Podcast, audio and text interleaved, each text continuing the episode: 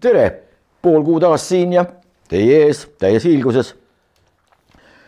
kogu aeg toimub nii palju ja selles käras ja müras, just nimelt müra on õige sõna, infomüra nimelt, on raske kuidagimoodi orienteeruda, seisukohti on palju aga nüüd suunitusi tundub olevat oluliselt vähem ja selles mõttes Eesti ühiskonna mingisugune minimudel, ma kunagi sõitsin trammis ja vaatasin, et tead, mul kangastus see ette, et vot siin ongi see Eesti ühiskonna ja niisugune seisukohtade paljususe mudel. istekohti oli kolmkümmend üks, aga seisukohti oli üheksakümmend kolm ja kui me tahame rääkida sellest infost meie ümber, siis võib-olla meie tänane teema võikski olla see, millest me oleme rääkinud vihjamisi, aga mitte otse.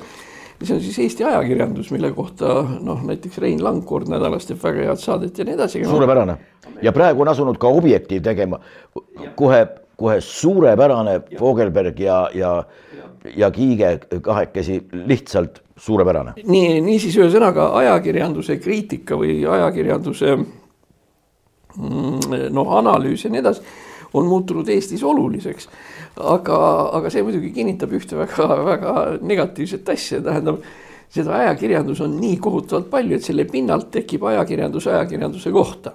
seepärast noh, kui ilmub kümme ajalehte ajakirjana, mis, mis, mis. mul tuleb meelde Majakovski, millal tuleb koosolek koosolekute lõpetamise kohta. jah, jah, no vot, vot enam-vähem Äh, aga enne kui me siis jah, sellest ajakirjandusest räägime, tähendab, ma tuletaksin meelde ühte asja, mida keskealised arenenud inimesed kindlasti mäletavad, et Eesti Nõukogude propaganda üks selliseid lauseid või, või stamp, stampütelusi oli see, et Eesti rahvas on üks kõige lugevamaid rahvaid Nõukogude Liidus või üleüldse mis muidugi suures osas vastas tõele, sest meil olid ju ööpäevapikkused järjekorrad Eesti entsüklopeediasse alla kirjutades ja, ja igasugused kõik head raamatud, nagu ma ei tea seal või noh, poolhead raamatud nagu seal Heili lennujaam ja nii edasi, need läksid ju letilt kohe, nii et tõepoolest noh, oli.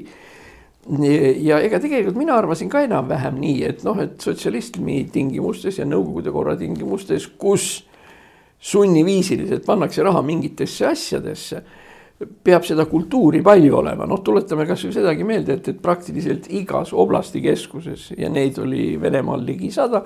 igas oblasti keskuses oli oma sümfooniaorkester. igas oblasti keskuses oli vähemalt üks ülikool või kõrgkool isegi siinsamas nurga taga see õnnetu Pihkva, eks ole, kes on eh, Pihkva oblast, mis on elanud noh, näljas juba ristirüütlid. pedagoogiline instituut. just, oli Pihkva pedagoogiline instituut, kusjuures me räägime tegelikult noh, oblastist, kus elas seitsesada, kaheksasada tuhat.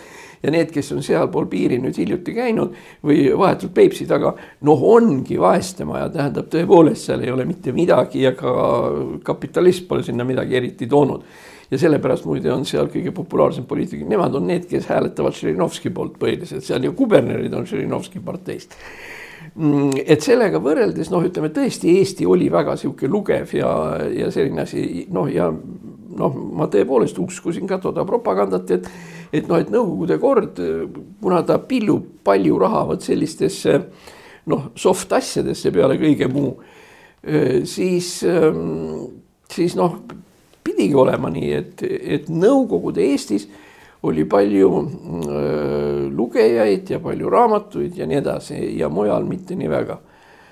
ja et kapitalism on see, kes oma saamahimuga ja, ja igasuguste sihukeste asjadega mm, sisuliselt suretab kultuuri ja sealhulgas ka lugemiskultuuri välja, sellepärast et äh, raamatud maksavad palju, nende trükkimine maksab palju ja nii edasi seda enam oli minu jaoks väga suureks üllatuseks, kui ma täna hommikul siiapoole tulles läksin läbi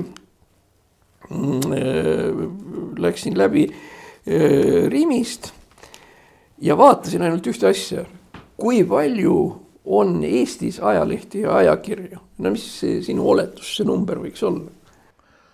noh, ma ei, ajalehti tükki viisteist, ajakirju oluliselt rohkem.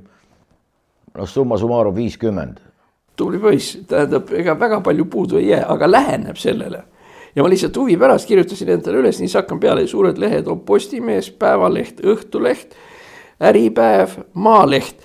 no põhimõtteliselt Kroonika, mis on pool ajaleht, pool, pool mitte. no edasi siis kahtlemata samast valdkonnast Nelli Teataja, mis on. Maaja, ei, see ei ole leht kuule, ma jään seal üleval ja on paberiga kinni mässitud, tähendab ma, ma, ma ausalt öeldes ei teagi, mis ta on. aga no ütleme, Nelli Teataja on selgelt ajaleht. see seal ja siis noh, vana äh, Leito, Toomas Leito oli selle äh, asutaja, selle äh, Maarja mitte Maja, vaid selle Nelli, Nelli, Nelli Teataja asutaja. tead, mis kurioosum on see et seal Nelli teatajas on üht-teist ära ütle ja ongi, mida kuskilt mujalt ei leia. näib imelik, aga tõsi ta on. ei, on, on, noh, kui me selle järgi võtame, siis võib-olla ütleme, üks esimene ajakirjanduse väljaanne maailmas, kes hakkas tegema igasuguseid tulevikustsenaariume ja millest kukkus välja see omaette olevaks Rooma klubi, mis noh, ennustab küll siin rohelist revolutsiooni ja mida iganes ja nii edasi Need esimesed asjad, see oli Margaret Masterfield ja ma ei mäleta, mis Messarovitši eesnimi olid väga kuulsad filosoofid omal ajal. see ilmus Playboy's, kusjuures järjejutuna kas kuskil läbi kuue või seitsme numbri. nii et Playboy's oli ka see populaarteaduslik või tead-, tegelikult ikkagi päris teaduslik osa ka sees nii on sellega, aga muidugi, kui me räägime Toomas Leito, olgu muld talle kerge, igavesti tore inimene ja hästi sihuke noh, sõbralik ja ja noh, no oligi kihvt mees noh, tema huvitav eripära oli selles, et ta oli EKP ehk Eestimaa Kommunistliku Partei Keskkomitee agitatsioonipropaganda osakonnas. tema oli pressisektori juhataja, tähendab, tema oli see, kes kõige kõrgemal tasemel kontrollis kommunistlikust seisukohast kõiki Eesti ajakirjandust. ja ma olen mitu korda mõelnud, et noh, huvitav, et kas nüüd Ristlaan, ideoloogiasekretär, keerab ennast hauas ringi, kui ta teaks, et tema kõige tähtsam kommunist pressialal annab välja, noh, annab välja neli teatajat, jah. aga see muidugi näitas seda, et, et tegemist on ikkagi noh, tõesti uskumatult äh, väljapaistva inimesega, aga hea küll. nüüd äh, siis kahajakiri, mida arstid teile ei räägi. see on ajakiri, ilmub kord kuus. nipiraamat sihuke ka ajakiri edasi, Tervis, Eesti Naine, Kodutohter, Nelli Teataja, millest me rääkisime, Säde, Täheke, siis Targu Talita. kas Täheke ilmub ikka? ikka, ikka. ja Säde ka? ja Säde ka jah, need on lasteajakirjad. kusjuures Tähe, Täheke on noh, võib-olla no kus praegused paljud kirjanikud, kes on väga sihukest andeka sulejooksu ja sellega, kus nad avaldada muidu saaksid raamatuid ju eriti ei tule, lasteraamatuid, aga täheki on reaalselt olemas jah. siis ajakiri Diivan. ma ei tea, millest see on no,. diivani tähendus on hoopis midagi muud. jah, ja siis disain. see on mööbliese, ei mitte ainult. ja disain, akadeemia, noh, see on siis Toomas Kiho ja, ja, ja, ja nii. siis äh, Go reisikiri kord kuus, see on siis Pruuli sisuliselt teeb, see on siis Go-Rail ja, ja, ja kogu selle. noh, ta on tegelikult siukse turismireklaamine, aga ka muidugi väga-väga õpetlik asi. imeline ajalugu, suurepärane, ainult maksab palju. imeline ajalugu on kuskil viis euri või kui ma ei eksi. Eesti ristsõnad kord kuus. Burda, see oli nüüd ainukene moeajakiri, mis jääb veel nõukogude ajast edasi, Eesti ajalugu see on siukse väikse formaadiline selline noh, nagu mitte eriti silmatorkav, aga, aga uskumatult hea noh, nendest asjadest, ta on natukene sihukene. no ma kujutaks ette, et Jaak Valge võiks olla näiteks selle ajakirja peatoimetaja, aga ta vist ei ole. nii, ma pidin kiiresti vaatama, mul oli vaja ju siia tulla. nii, tennis, edasi positiiv, ajakiri Jooksja see on see, kes jookseb, mitte jooksva, nii et siin on see investor teater, muusika, kino, noh, vana klassika, eks ja TMK. siis on olemas väga tore ajakiri, hästi tehtud, värviline ja nii edasi, Jalka. diplomaatia, Erkki Pahovski, Horisont, populaarteaduslik oli ka äh, nõukogude ajal. siis noh, kas on, ei ole hea teo ristsõnad, aga asi on selles, et need ristsõnad ilmuvad regulaarselt, nii et ikkagi on noh, selles mõttes nagu aeg. minu aed siis äh, on olemas äh, pööning. minu aiast otse pööningule. ja, ja, ja, ja siis äh, kooliruudud. No see on ristsõna, aga koolilastele, muide ma vaatasin seda lähemalt, uskumatult hariv. Tähendab, see on seotud ka nende kooliprogrammide asjadega ja nii edasi, nii et on, mida teha, nii aha-pööning, Jaapani mõistatused, siis on, edasi on suvi aias, kodujaed, Tiiu, kellest me oleme rääkinud seoses Jolleriga, maakodu, populaarne teadus, noh, see on see horisont ainult, et noh, natuke laiemalt, ta võtab ka välisautorite artikleid sisse, Anne ja stiil. see on natukene niisugune noh, nagu naistele ja natukene sellistele, no ühesõnaga, kuidas õmmelda head kleiti, aga mitte ainult. Ta on muidu ka hea asi, üheksa kuud, see on raseduse kohta. kultuur ja elu, mis on muide ka pärit veel äh, vanadest aegadest, nõukogude aegadest, nüüd siis edasi tulevad veel noh, ajalehtedes me lihtsalt unustasime maha, tegelikult ta peaks kohe meil päris algusel olema, on Eesti Ekspress. meie, meie kirik oma maitse, Maalehte me nimetasime Pere ja Kodu ja National Geographic eesti keeles. Aga meremeeste oma mingisugust ei olnud või? ei, ei on küll jah, seal paadis, mul selleks, et oleks stiilipuhas, ma ei käinud mööda Tallinna ringi ja mul ei olnud ka selleks aega neid ajakirju otsimas, et oleks stiilipuhas, ma lähen lihtsalt ühte suurde poodi ja vaatan vot kõik need, mis seal on. Ja need on nüüd need siin, siin on muide ka ära jäänud venekeelsed mida, mida on ka palju suhteliselt, muidugi eestikeelset näiteks Digest on väga hea vene leht ja nii edasi. nii et, nii et selline on siis meie ajakirjanduslik, äh, ajakirjanduslik äh, pilt. aga palju seda ajakirjandust seal on? no vot, see on nüüd järgmine asi. muide, me jätsime praegu ju veel välja nimetamata elektrooniline meedia, tähendab, see on siis noh, Eesti Rahvusringhääling noh, ma ei tea, siis eks ole, no siis tuleb see Kanal kaks, TV3 ja siis seal üleval on veel need väiksed seal, kui ma ei eksi, Kanal kuus või midagi taolist, tähendab siuksed spordikanalid. aa, ERR pluss on ka venekeelsed, kui ma ei eksi, või ERR kaks või mis ta on ja, ja. ja jah, aga no aga kuna seda ei ole võimalik niimoodi selgelt eristada üksteisest, siis noh, jätame selle, selle nimetamata. et miks me ei võiks näiteks muuhulgas nimetada seda, et, et meid sinuga on põhimõtteliselt ka ajakirjandusest välja löödud. tähendab, me ei kuulu nende inimeste hulka, kellel on, lihtsalt lähed välja ja sul on kohe kõik ajalehed lahti ja nii edasi, vastupidi, tähendab, võib juhtuda nii, et sul kõik ajalehed kinni. Nii, aga hakkame siis otsast peale, tähendab, sina oled meil kuulus selle poolest, tähendab esimesena sinu ajakirjanduslik tase tuli välja selles ja noh, olemus ja nii edasi on selles filmis tuhat üheksasada üheksakümmend üks kus on jutt, äh, kus on jutt sellest kuulsast äh, üheksakümne esimese aasta augusti putšist, muidu pane tähele, kolmkümmend aastat möödub, sel aastal on juubel, augusti putši juubel. ma arvan, et sellele me võiks pühendada ühe täitsa noh, eraldi saate, kui see asi nii, nii lähemale sinna augustile läheb. nii, aga tolles filmis siis ühesõnaga, mis seal sinuga tolles filmis juhtus? ei, ma ei tea, nad tegid selle filmi ja nemad nägid seda asja kuidagi niimoodi. no eks ta niisugune mängufilm oli, noh. Kuigi jah, mõningad asjad pidasid paika ka. no ja, aga siit tekib loogiline küsimus, mispärast sind pidi mängima keegi teine, kui sa oled ise elusast peast olemas? ei, vot see, vot selle kohta ma ei tea, ma ei tea, kuidas seda tehti, ma ei tea selle kohta siiralt, mina selle tegemise juures ei ole olnud ja selle, selle tõttu ei noh, ei, ma ei oska seda ka kuidagimoodi. no ja sellepärast, et, et tegelikult huvitav on see, et mitte sind ei mänginud seal näitleja, seal kõiki teisi mängisid ka. Seepärast seal oli Siimann, keda mängis keegi teine ja Hagi Shane, keda mängis keegi teine ja nii edasi, nii et, nii et selles mõttes on see uskumatu film, nii et me räägime praegu Augusti Butši filmist tuhat üheksasada üheksakümmend üks, kunstiline film, kus keegi teine öö, mängib Andres Raidi, mis on iseenesest äärmiselt huvitav. Nojah.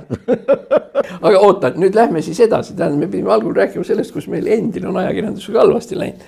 Aga tähendab, pärast seda sa ju tulid sealt ära või tuldi sind ära või mis seal juhtus? ei, ei seal tähendab, eks see ole mõlemapoolne. kui päris aus olla, siis ma, ma olin suhteliselt vaba oma otsustustes, sellepärast et ma tegin väga palju tööd ka väljamaale. mille pärast sain nahutada loomulikult ka, et kellega ma kooskõlastan seda sisu. Üks praegu tund ka sinu poolt äsja hiljuti nüüd mainitud üks tegelane küsis, et kellega ma seda kooskõlastan. ja siis teatas pidulikult, mina ütlesin, kellegiga. et usaldus on tekkinud ja siit ta läheb ja ütles, et aga meie alati kooskõlastame ja nurgas istus niisuguse pirnikujulise peaga vend, kellel oli niisugune võidunud tumepruun seina, pintsak seljas.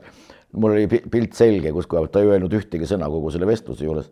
aga ma tulin sealt tulema, ei noh, mis asja, noh lõppude lõpuks jah, no ei sobinud ja. aga sa tulid ise või sind tuli? ei, ei, tähendab, lõpp oli ikka see, et ta aitab küll. nii, ja siis läksid sa uh. ja siis ma hakkasin vabakutseliseks. sellega elas ära või?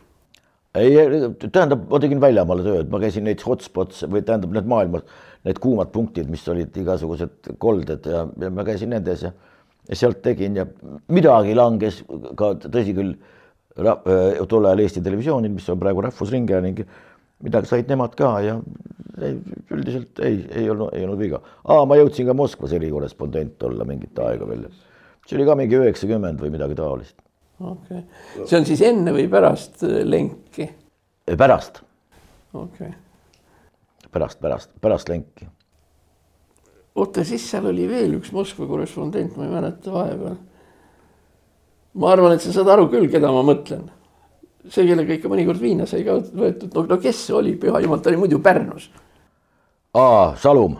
jah Madis. vot õige, no ütleme jälle siis tervisi talle siis äh, sinna teispoolsusesse. kuule, aga siis sa sattusid Kuldse Trio loo sisse ka ju. ei, seda küll jah nagu Kalevipoeg ei, ei, ei. Kalevipoeg on ikka Kalevipoeg, mina, minu isa nimi ei olnud Kalev ja ja minu ema nimi ka. kuidas sa Kalev. sattusid sinna, kuidas sa sattusid sinna laulusi? ei, seal on väike põhi taga ka, noh nagu ta, taustalugu. aga Jüri Vlassov ütles, et aga miks mitte ja noh, nii ta läks okay.. aga muidu, kui sa küsisid Kalevipoja kohta, siis, siis eks ole, Kalevipoeg on Kalevipoeg, tema isa nimi oli Kalev. ja ei no sellega, sellega on üldse suur, suured küsimused. kogu selle Kalevipojaga, selle käsitlus. Suits on kirjutanud sellest tuhat üheksasada kakskümmend kaheksa, kui ma ei eksi, või oli kakskümmend neli ma, ma nüüd aastanumbriga võin eksida praegu, ta on kirjutanud Kalevipoja äh, psühhoanalüüsi. Ja rahvaluulel põhineva. Ja see on suurepärane, ega sealt vaatab vastu üks Freud ja, ja mille pärast Kalevil, Kalevipojal jalad ikkagi ära võeti, ainult sellepärast, et ta vägistas ära oma õe. Ehk siis Saarepiiga, kes oli ta õde. ja noh, teada oli, et selliste insesti karistuste eest oli karistusena olid kasutusel kas siis noh, mingite jäsemete äralõikamised või mida või noh, kõikvõimalikud. päris ajakirjanduse juurde ka, aga siiski noh, käigult küsimus tähendab, vot Kalevipoeg. aga mis oli, ka, oli... mis Kalevipoja nimi oli? ei noh, neid oli terve, kuule, seal oli, ma ühele asjale ainult no. juhatan, juhatan, juhiksin tähelepanu. ema oli üks. vend oli Olevipoeg, Sulevipoeg no ainult isad olid erinevad. Ja seda Ülemiste järve esimeses väljaandes, Kalevipoja esimeses väljaandes, muide ta ka mitte ei nutnud, mis ei ole mitte tema silmavesi, ta märgas selle sinna. Nii, aga nüüd tuleme, tuleme nüüd, nüüd Kalevipoeg, mis oli Kalevipoja tegelik eesnimi? E? E enamus inimesi ei tea. ja, ja ma võin isegi öelda, kuskohast sa selle kätte saad, võtad selle paksu, paksu Kalevipoja seal taga, kus on igasugused viited ja, ja, ja seal on see viide olemas kuuenda peatüki kohta. tähendab poliitiliselt väga kandev ja väga hea eesnimi oli Kalevipojal, tema eesnimi oli Soini. jah, jah, nüüd tuletame meelde Soomes Timo Soini, kes on, eks ole, põlissoomlaste šef no,. ja siis küsi nüüd veel koera nimesid ka. mustukene ja hea küll, kuule okei okay,, lähme, lähme ajakirjanduse juurde ikkagi tagasi Sohni tegelikult on ilmselt pakutud välja, et see etümoloogia tuleb sealt, kus on Sohni ehk ka poeg, noh, nii et no,. Okay, okay. tähendab, ühesõnaga tänapäeva Eesti ajakirjanduse kohta on öelda väga palju ja, ja, ja mitte midagi head aga siis hakkame siis meenutama, tähendab, kuskohast tänast ajakirjandust nii-ütelda kujundama hakati ja üldiselt iseenesest üsna positiivselt see oli siis aastatel tuhat üheksasada kuuskümmend pisikeste kopikatega, kuuskümmend viis, kuus, seitse kuskil sealkandis. kui Eestis ja tegelikult kogu Nõukogude Liidus viidi läbi anketeerimine, kus inimesi, inimestele saadeti ankeedid koju ja käisid anketeerijad, see, mis tänapäeval tundub täiesti, täiesti tavaline, eks ole.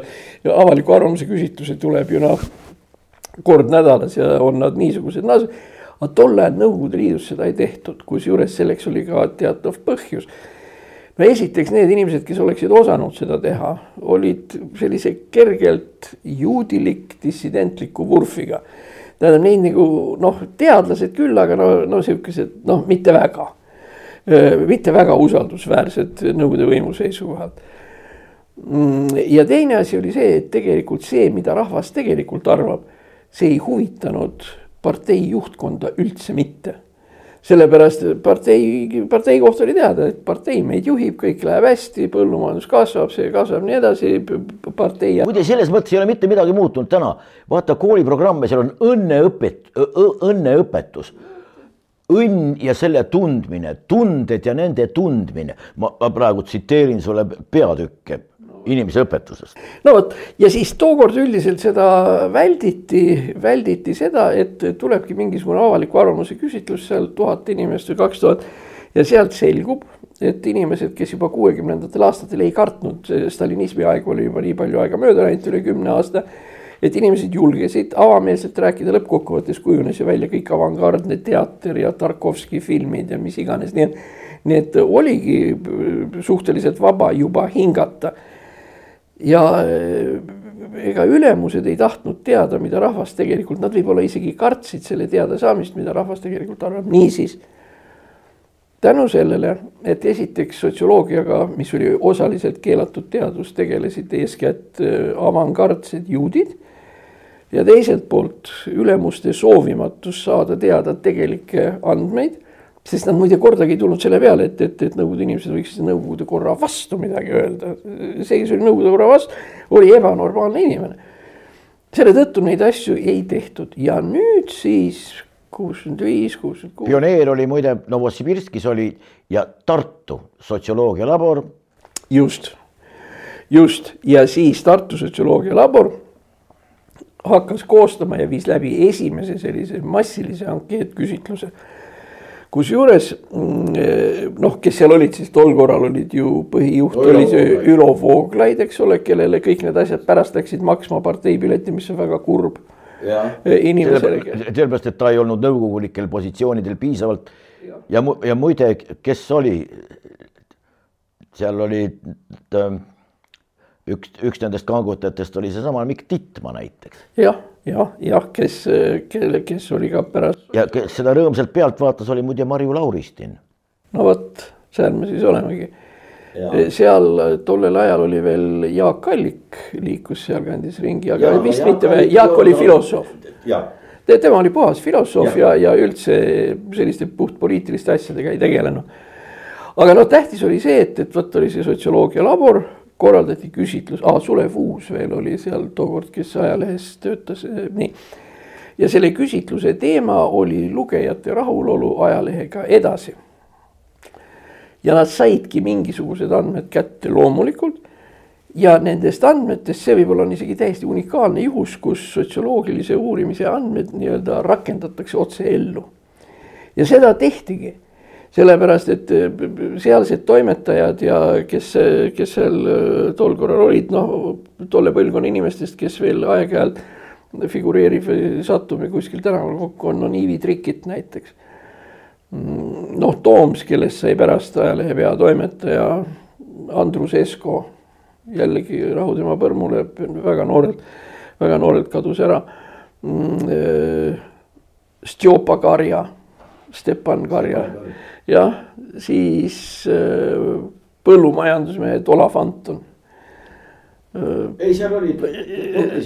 Kalju Kass, kes toimetas Herilast, mis muide oli ka tegelikult vaimukas Äh, sihuke satiiri ja huumor. no edasi oli ikka tol ajal leht, mida, mida otsiti ja mille järel isegi sõisti ja. ja, ja, ja edasi tellimisi oli väga raske saada, sellepärast pidid hommikul minema kell viis.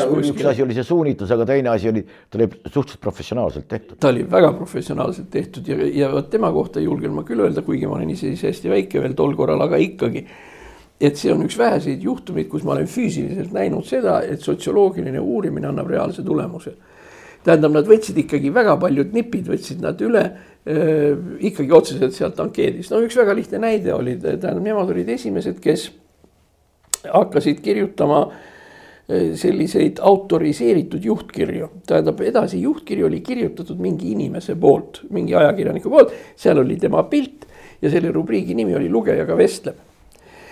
tähendab nüüd kolmkümmend aastat hiljem on see maniakaalse epideemiana tunginud meie ajalehtede ja ajakirjade sfääri. kas sa oled tähele pannud, et kõigil Eesti ajakirjadel on juhtkiri, on juhtkiri, noh hea küll, las ta olla, juhtkiri peabki olema. palju hullem, kõigi juhtkirjade juures on peatoimetaja pilt. ma ei ole seda tähele pannud no võta esimesed, võta igal pool, löö lahti seesama Tiiu või Eesti Naine või nii edasi ja siis seal on ta-ta-ta-ta ja siis on see pilt seal, mis ongi, tähendab täiesti puhtakujuline ekshibitsionism. ja selle järele puudub igasugune vajadus. Ja kui nad ütlevad, oh noh, vot edasi siis tehti, edasi siis tehti seda hoopis teistes oludes, edasi oli väikese linna tol korral seitsekümmend tuhat elanikku. Ajaleht oli linnaleht kus kõik tundsid kõiki. Tartu eripära oli ju selles, et, et kes tänaval vastu tuli, ei olnud, kui ta ei olnud lausa sugulane, siis oli ta igal juhul teretuttav kooli või viinavend. noh, ja oligi ja selles mõttes oli edasi muidugi see mõte, et lugejaga vestleb, seal peab olema pilt, et tartlane, teine tartlane ära tunneks. vot kes see vend on sest sa tead näo järgi teda kindlasti ja sa ei oska nägu ja nime kokku viia. seda muide ka too ankeet näitas, et, et peab olema personifitseeritud. aga see propaganda, mis sealt vastu vaatas tihtipeale sellest, nendest, ähm, sellest samast edasist, ta oli tunduvalt tõhusam. ma julgen öelda isegi, aga professionaalsem kindlasti, kui ta praegu on. no tegelikult seal oligi niimoodi, et, et ta käis alla edasi see propaganda aspekt ja jumal tänatud, käis alla tegelikult ikkagi ikkagi Mart Kadastiku tarmukal juhtimisel. Eh, sest Mart Kadastik nagu siis, eh, eks ole, nüüd selgus ja tol korral võis aimata, oli ju sisuliselt KGB agent, eks ole, ja ta kirjutas varjunime all Kalju Jüri või mingi midagi taolist. Kalju Jaak vist. või Kalju Jaak ja ükskõik, aga tähendab, tema oli siis nüüd see, kes kirjutas ikkagi ütleme noh, propagandat ja ainult propagandat, pluss üks väga oluline nüanss oli veel see, et ta kirjutas no see, mis tänapäeva ajakirjanduses tundub täiesti normaalne, ta kirjutas selleks, et teha inimestele halba. tähendab, tegelikult ta ju noh, kritiseeris ühtesid ja teisi parteilistelt seisukohtadelt ja kui see parteiline seisukoht oli väljas, siis nüüd oota, millal siis EKP Tartu linnakomitee võtab selle inimese ette. aga, aga siis muidugi, kuna Mart Kadastik oli noh, kisendavalt ebaprofessionaalne või noh, tõesti noh, ütleme niimoodi. noh, ajakirjanduslikus mõttes natuke nagu rumalavõitu siis, äh, siis selle asja pluss oli see, et temaaegset edasit juba nagu noh, tegelikult ei võetud tõsiselt, inertsist loeti palju ja ma ei usu, et tellijate arv vähenes. aga, aga seda vajadust, et hommikul kohvi kõrvale võtad ajalehe lahti, see kadus nüüd tema ajal ikkagi, ikkagi täiesti ära aga nüüd meie jaoks on siis tähtis see, et, et Eesti ajakirjandus sai professionaalse alguse sellest hetkest peale, kui kui Vooglaid viis selle asja läbi seal, selle küsitluse. see oli professionaalselt ette valmistatud ja professionaalselt läbi viidud. selliseid muide, kus on fookusgrupid välja toodud, isegi sõnavara välja rehkendatud, selliseid enam muide ei tehta. muide, seal tehti ju veel ka see, et küsimus oli mitte selles, et ma küsin, millist lehte sa tahad ja ma teen sulle sellise lehe tegelikult seal oli üks väga omapärane käik, oli selline asi oli nagu mm, rahvaülikoolid. rahvaülikoolid olid need kohad, kus inimesed vabast ajast võisid käia õppimas mingisugust teist eriala sinna juurde, noh, kes õppis matemaatikat ja kes õppis rahvatantsu ja kes seda. aga oli ka Rahvaülikooli ajakirjandusteaduskond, koduperenaised ja nii edasi. ja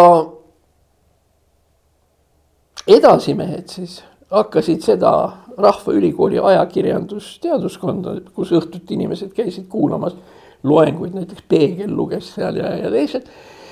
ta hakkas seda kasutama oma fookusgrupina. ehk teiste sõnadega, nad said kohe teada, et siin on kolmkümmend inimest, keda ajakirjandus huvitab ühel või teisel määral. teiseks, nad ei ole ükski professionaalne ajakirjanik.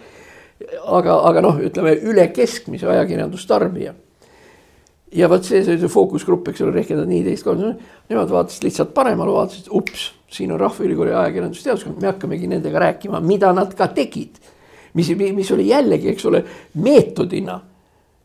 ma ei kujuta ette, et tänapäeval keegi Eesti firmadest viitsiks midagi sihukest tegema hakata, ikka lihtsalt mingi mudel läks ja, ja pluss-miinus äh, sada protsenti. metoodika, metodoloogiast ma üldse ei räägi, aga metoodika on üldjuhul enam kui kahtlane ja see tähendab selles noh, uuringuid meil ei ole ammu, meil räägitakse iga päev mingisugustest uuringutest, uuringutest, uuringuid meil ühiskonnaalaseid, ma mõtlen, ei ole. ja nüüd siis me olemegi, istume sellise, sellise ajakirjanduse öö, otsas, mis on noh, mingi, aetakse agendat. kellel on see selline, kellel on see natukene teistsugune, aga igal juhul mingisugune läbiv ja vool on olemas mainstream millegi, mingite põhinäitajate poolest on ühesugune ja mängitakse ühte sedasamasse auku. näiteks mingisugune noh, sa oled ju jurist. praegu Rein Lang muide, keda sa tunned suurepäraselt on ka sellel teemal sõna võtnud, näiteks seesamane, mis, mis meil praegu ümber käib, meedia mõistab kõik enne süüdi täiesti süüdimatult ise, loob selle pinna, loob selle tausta ja loob kõik sinna juurde. Ühendriikides näiteks ei tuleks selline asi, ma Inglismaal täpselt sama muide, ei tuleks kõne allagi. nojah, tähendab äh, see on, see on ühest küljest ebaprofessionaalsus. aga vaata, siin ongi vististi see häda, et, et mitmed või noh, isegi enamus väljaandeid kannavad tegelikult otseselt mingit poliitilist agendat, noh, keda esindavad omanikud ja nii edasi. no mis ma võin öelda, tähendab, kus ma võin tõesti öelda, et vot Eestis on, on noh, sõltumatu ajakirjandus, enam-vähem no on, ütleme noh, eks ole, meie enda omadki siin, eks ole, elektrooniliselt seesama Uued Uudised ja Objektiiv aga, aga siis. Uued uudised näiteks ei vaid, ei vaid, ei varja, vabandust, ei vai, varjagi seda, ta on Eesti äh, Konservatiivse Rahvaerakonna häälekandja. täpselt samamoodi on ka Objektiiv, nad on kindlalt konservatiivsetel ja kristlikel seisukohtadel ja sellest ei ole tehtud mitte mingisugust saladust. nojah, ja, ja, ja see ongi see, mispärast me ise ka kohe alguses äh, ütlesime ära ja kusjuures ega siis nüüd ajaleht, kui ta on näiteks konservatiivne ta ei pruugi tähendada, et ta liberaalseid vaateid ei esinda, see on lihtsalt äriküsimus. Lõppkokkuvõttes noh, mina olin väikses linnas Ameerikas elasin, sihuke Tartu-sugune ja seal oli algul kaks-kolm lehte, lõpuks jäi üks alles, tänu millele, sellepärast et, et ta laskis kirjutada nii ühtedel kui ka teistel. sellepärast niipea, kui sa oled väikses linnas ja sa lased kirjutada ainult vabariiklastel, siis demokraadid, tellijad langevad ju ära. muide, Vernal Vernal on pisikene linn üheksa tuhande elanikuga, üheksa tuhat. Äh, seal, kus on Eesti Energia suurepärane kaevandus, seal tähendab, see kaevandus ei ole seal linnas, aga linna lähedal. see on kõige lähem linn, linnakene mm -hmm. Ühendriikide mõttes veel eriti. aga muide, kuhu kohta see kaevanduse värk ära kadus? jälle veel üks teema peab üles kirjutama, peab, peab rääkima hakkama sellest. ei okay., see, see. ei, ei, mitte täna. seltskond on tööl ja, ja, ja kõik ja, ja no pettus käib edasi no see ei ole üldse mingi küsimus. sinna leitakse mingisugused rahad ja, ja, ja riigifirma ähvardab riiki, et kui te seda nüüd ei tee, siis me, me läheme üldse, viime investeeringud sinna. no ladno, olgu sellega, kuidas on. aga seal, seal on äh, kaks ajalehte ja äh, Vernal Express või äh, Express, üheksa tuhat elanikku on, neil on kaheksa pool tuhat tellijat sellele ajalehele. ja nii ja kõik läheb ära ja kõik loetakse ja siis on teine, mis on mingisugune kommertslikum leht, aga see Venemaa Ekspress, ekstra käisin vaatamas, seal kirjutavad nii need, kes on selle trillimise poolt, ilmsesti puurimise poolt, kui need, kes on selle puurimise jäigad vastased, need, kes on veekasutuse lubade väljaandmise poolt, kui ka kohalikud, kes ütlevad, et mingit veekasutusluba ei tule. Black mountains are not for sale ehk siis ei kuulu kauplemisel. aga siis, kui me jätame, tähendab tõepoolest tähendab ütleme niimoodi, et, et kui meil on. Me, me, me, meil on, meil on üks linn ja üks leht ja see leht tahab ellu jääda, siis ta peab sobima nii vasakutele kui ka parematele. ja, ja olema piisavalt rahulik ja tasakaalukas, sest muidu ta kaotab viiskümmend protsenti oma tellijatest noh, see on juba noh, lihtsalt täiesti elementaarne, aga kui me räägime nüüd praegu ah,, me rääkisime sellest, et eks ole, Objektiiv ja siis uued, uued uudised tegelikult on omandi poolest sõltumatu, aga kus minu arvates ajakirjandusliku taseme osas on, on kõvasti puudujääke, on Äripäev. sest Äripäev ei kuulu kummassegi nendesse, ei Eesti meediasse. jah, jah, ja noh, aga, aga tema on siis lihtsalt noh, üks ja ega rohkem väga selliseid nagu puhtalt neutraalselt nagu ei ole järelikult, aga ma arvan, et, et, et me ei ole see saade noh, nagu Langi oma või kedagi, et me hakkame ühte suunda või teist kritiseerima, me lihtsalt tahame vaadata, mis asi on Eesti ajakirjandus täna tervikuna, mis sai alguse edasi uuringutest.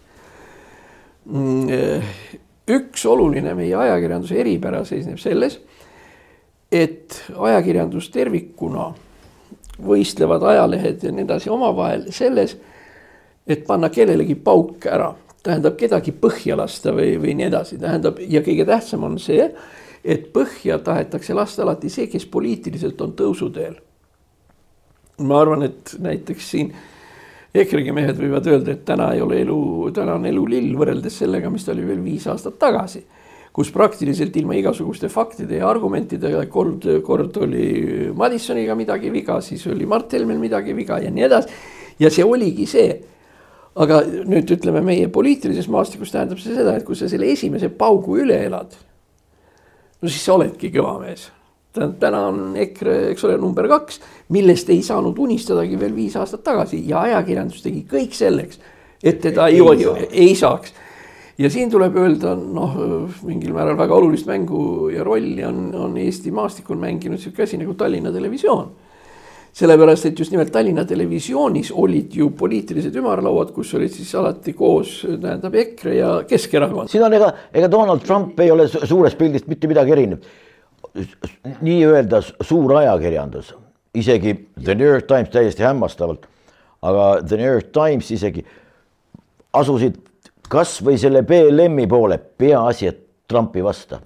peaasi, et selle seltskonna vastu ehkki see Ühendriikide meedia ei ole meil nagu räägitakse, Ameerika ajakirjandus kirjutab. no sellist, sellist vabandust, jama ei ole mõtet kellelegi rääkida, seal on väljaandeid alates räigest pornost kuni kvaliteet, noh, tippkvaliteedi mingisugusel üks, ükstapuha, mis alal.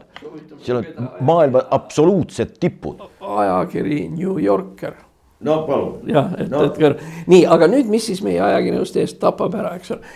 nüüd on tapmise hetkel, tähendab, kui sul jätkub noh, iseloomukindlust ja julgust ja põhimõttekindlust ja nii edasi. siis põhimõtteliselt sa elad selle üle, kuigi ma võin ka omast käest kinnitada, igavesti, igavesti paha on see küll. aga nüüd siis võtame kaks meie ajakirjaniku lemmik peksupoissi. see on siis ühelt poolt siis Aivar Mäe noh, ole ise Aivar Mäe, vot siis ei ole. muide, mul ei oleks selle vastu midagi, Aivar Mäe on suurepärane, suur, suurepärane. ma, ma tunnen teda ja, ja tegemist on haruldaselt mitmekülgse ja andeka inimesega. ja ma ei uskunud, et ta ju, juhina ka veel, suure juhina. palun väga, nii, niivõrd efektiivne. ühesõnaga mingisugune kamp kuskil saavutas selle, et Eesti kaotas praegu oma absoluutse tipu, kõige parema muusikateatri juhi. teist ooperiteatri juhti, kas sa praeguse ooperijuhi nimegi tead? ei tea. no pole kuulnud ja, ja, ja tõene, tõenäoliselt ei kuulegi. ja ühesõnaga Eesti ajakirjandus tähendas, et noh, jõle kihvt, et noh, panime ära ja nii edasi, aga kas ajakirjanikud ja toimetajad küsivad enda käest, mis me siis Eestiga tegime? ja teine täpselt samasugune küsimus, noh nüüd hiljuti üles tulnud jällegi lihtsalt noh, tambitakse, tambitakse, tambitakse, oodatakse, noh, kas jääb maha või ei jää. on see Ratase lugu, mis on need džinnipudelid tema autos ja, ja noh, mis iganes, eks ole, mis on nüüd üles tulnud, mispärast? ajakirjandus tundis Ratast viisteist aastat ja ta ei muutunud palju selle viieteistkümne aasta jooksul, ta ongi seesama Jüri, kes ta eluaeg olnud on, aga. seda Jüri võib süüdistada, ma tean, mitmesugustes asjades, ainult mitte mingisugused pudelid autosse, nagu oleks mingisugune, no mingisugune lakard. vabandust, seda ta ei ole, ta võib olla ükskõik mis. ei ole ka päris ükskõik, aga, aga, aga. ei, nõus, ta, ta ei ole ka varga nägu ja niisugust asja, ei, ei. ühesõnaga, ta ei, lihtsalt noh, mees üldse ei joo. siin ei ole mitte, ei ole midagi parata. no vot, aga nüüd siis ja, ja vaata nüüd, kui me vaatame, kuidas nad tulevad üksteise järel, noh muidugi omaette sihuke täiesti skandaalne lugu on Marti Kuusikuga. tähendab, kes läks kohtu alla nii kusjuures ajakirjandus juba otsast peale rääkis, talle läks niimoodi, et ei olnud tunnistajaid, ei olnud tõendeid ja ei olnud kannatanud. ja nüüd siis tekib küsimus, noh, kes siis oli või mis siis oli. Ja ega siin ma ei usu, et kohus üldse midagi sisuliselt vaatas, lihtsalt sellepärast, et asja ei ole tõendatu, tõendamatu.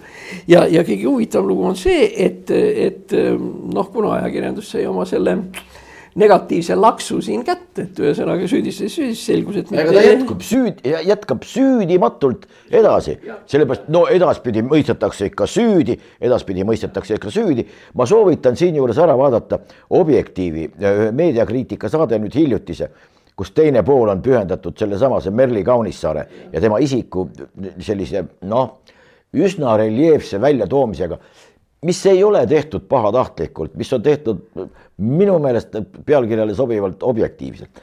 no on, aga ta on tehtud sellise elegantsiga, kus on antud vastu kõrvu, nii et no. no, no me, meie elegantselt ei oska, me lihtsalt ütleme niimoodi, et tähendab see pealekaebaja Merli Kaunissaare on täiesti võhivõõras inimene kõrvalt ja mis on väga oluline nüüd, sest seda teemat me oleme puudutanud siin ikka korduvalt kordame, rõhutame, rõhutame, rõhutame, Merli Kaunissaar, kes ei puutu asjasse üldse, on prokuratuuri töötaja.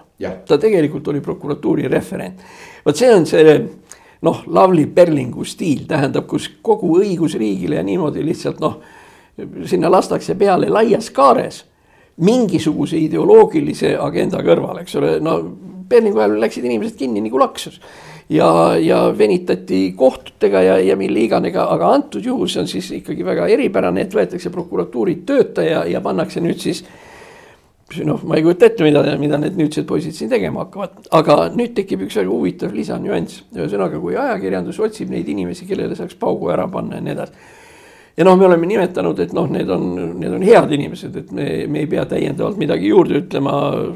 Jüri Ratas, Aivar Mäe Mm, äh, Martti Kuusik. Lember. jah, Kajar Lember. nüüd on juba seitse aastat vist käinud. jah, jah, nii et. me oleme jõudnud kuukse lõikuse juurde, üheksa eurose kuukse lõikuse juurde, oli või ei olnud ja noh.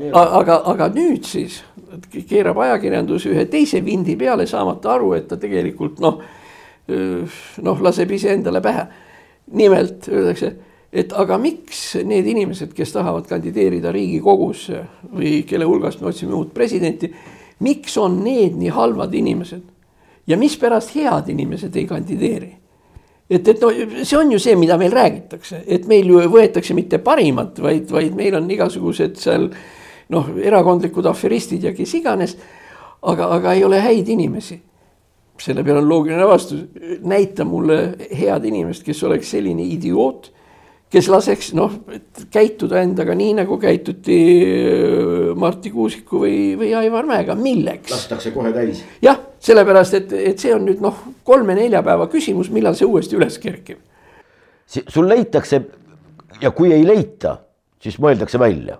ja aga vot nüüd on küsimus, kuna me rääkisime praegu ajakirjandusest, et et huvitav, kas ajakirjandus ajab siis tõesti mingisugust erakondade agendat või ta ajab omaenese mingisugust agendat, pretendeerides noh, sellele rollile, et olla neljas võim.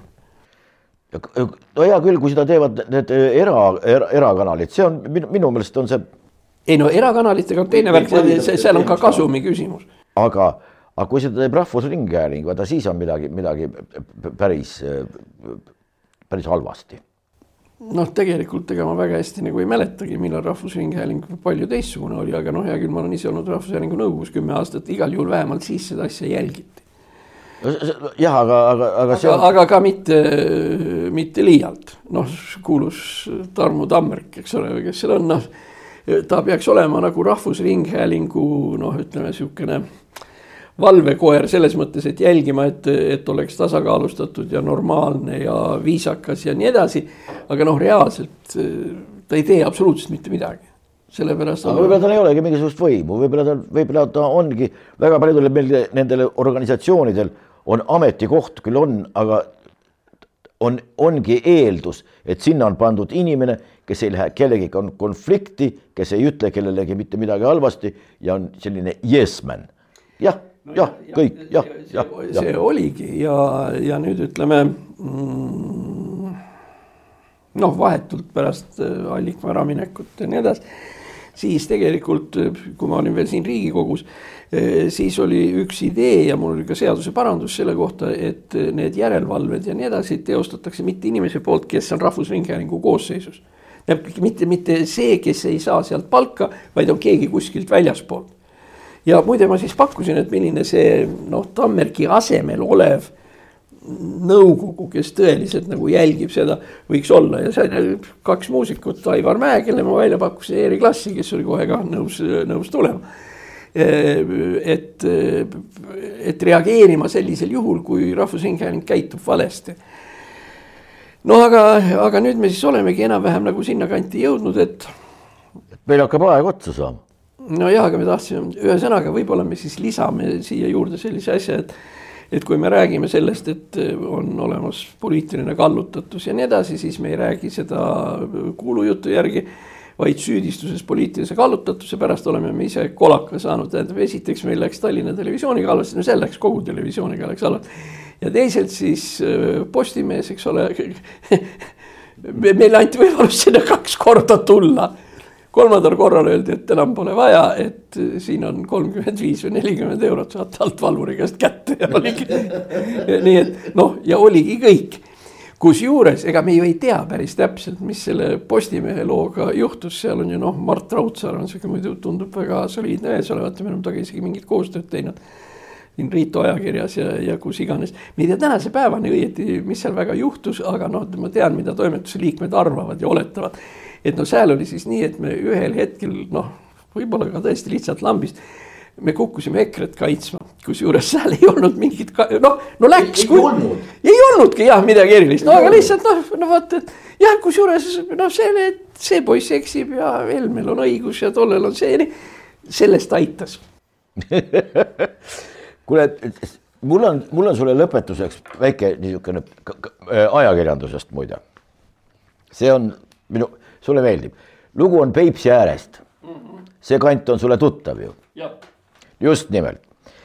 sa tead ka, et praegu käib niinimetatud olümpiapüük, kõik püütakse, kõik kalad äh, kahe nädalaga välja ja siis ülejäänud aeg seistakse niisama, mitte ja. midagi. individuaalseid kvoote ei anta. nüüd on, kirjad on koostatud, igasuguseid asju, kohalikud omavalitsused on pöördunud võib-olla nüüd hakkab midagi mõistlikumaks minema, et see lõpetatakse, see olümpiapüük ära, antakse isikutele kätte individuaalkvoodid, asi muutub normaalseks. aga on terve pisikene grupp inimesi, on pisikene, oota, aga siin ongi pisikene grupp inimesi. selle pisike grupp inimesi tinistas ära Rahvusringhäälingu, korrespondent käis seal, tegi saated. no paraku eksis kõige vastu, mis üldse on võimalik.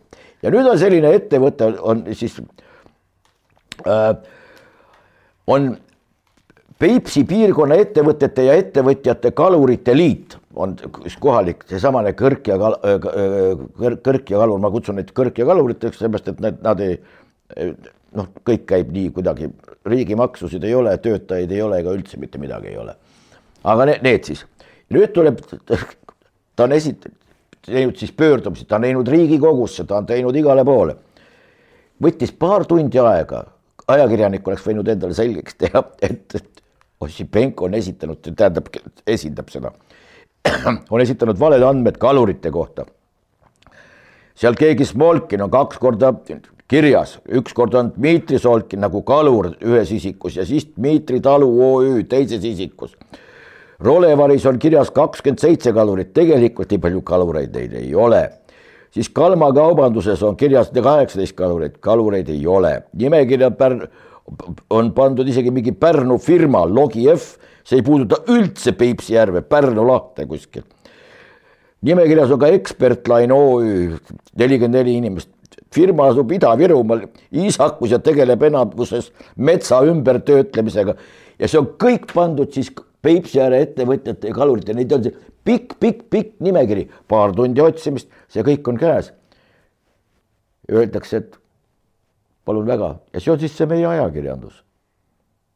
no natukene. ajakirjanik mööda tänavat enam ei jookse, reporter ei jookse, reporteri elukutsetki pole.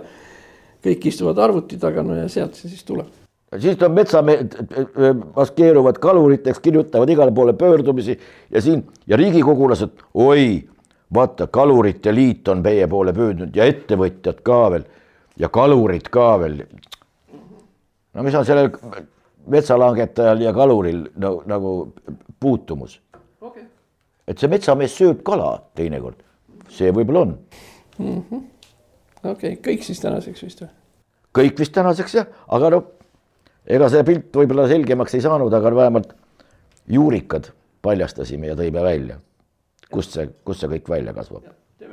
toome nii ja varsti kohtume taas.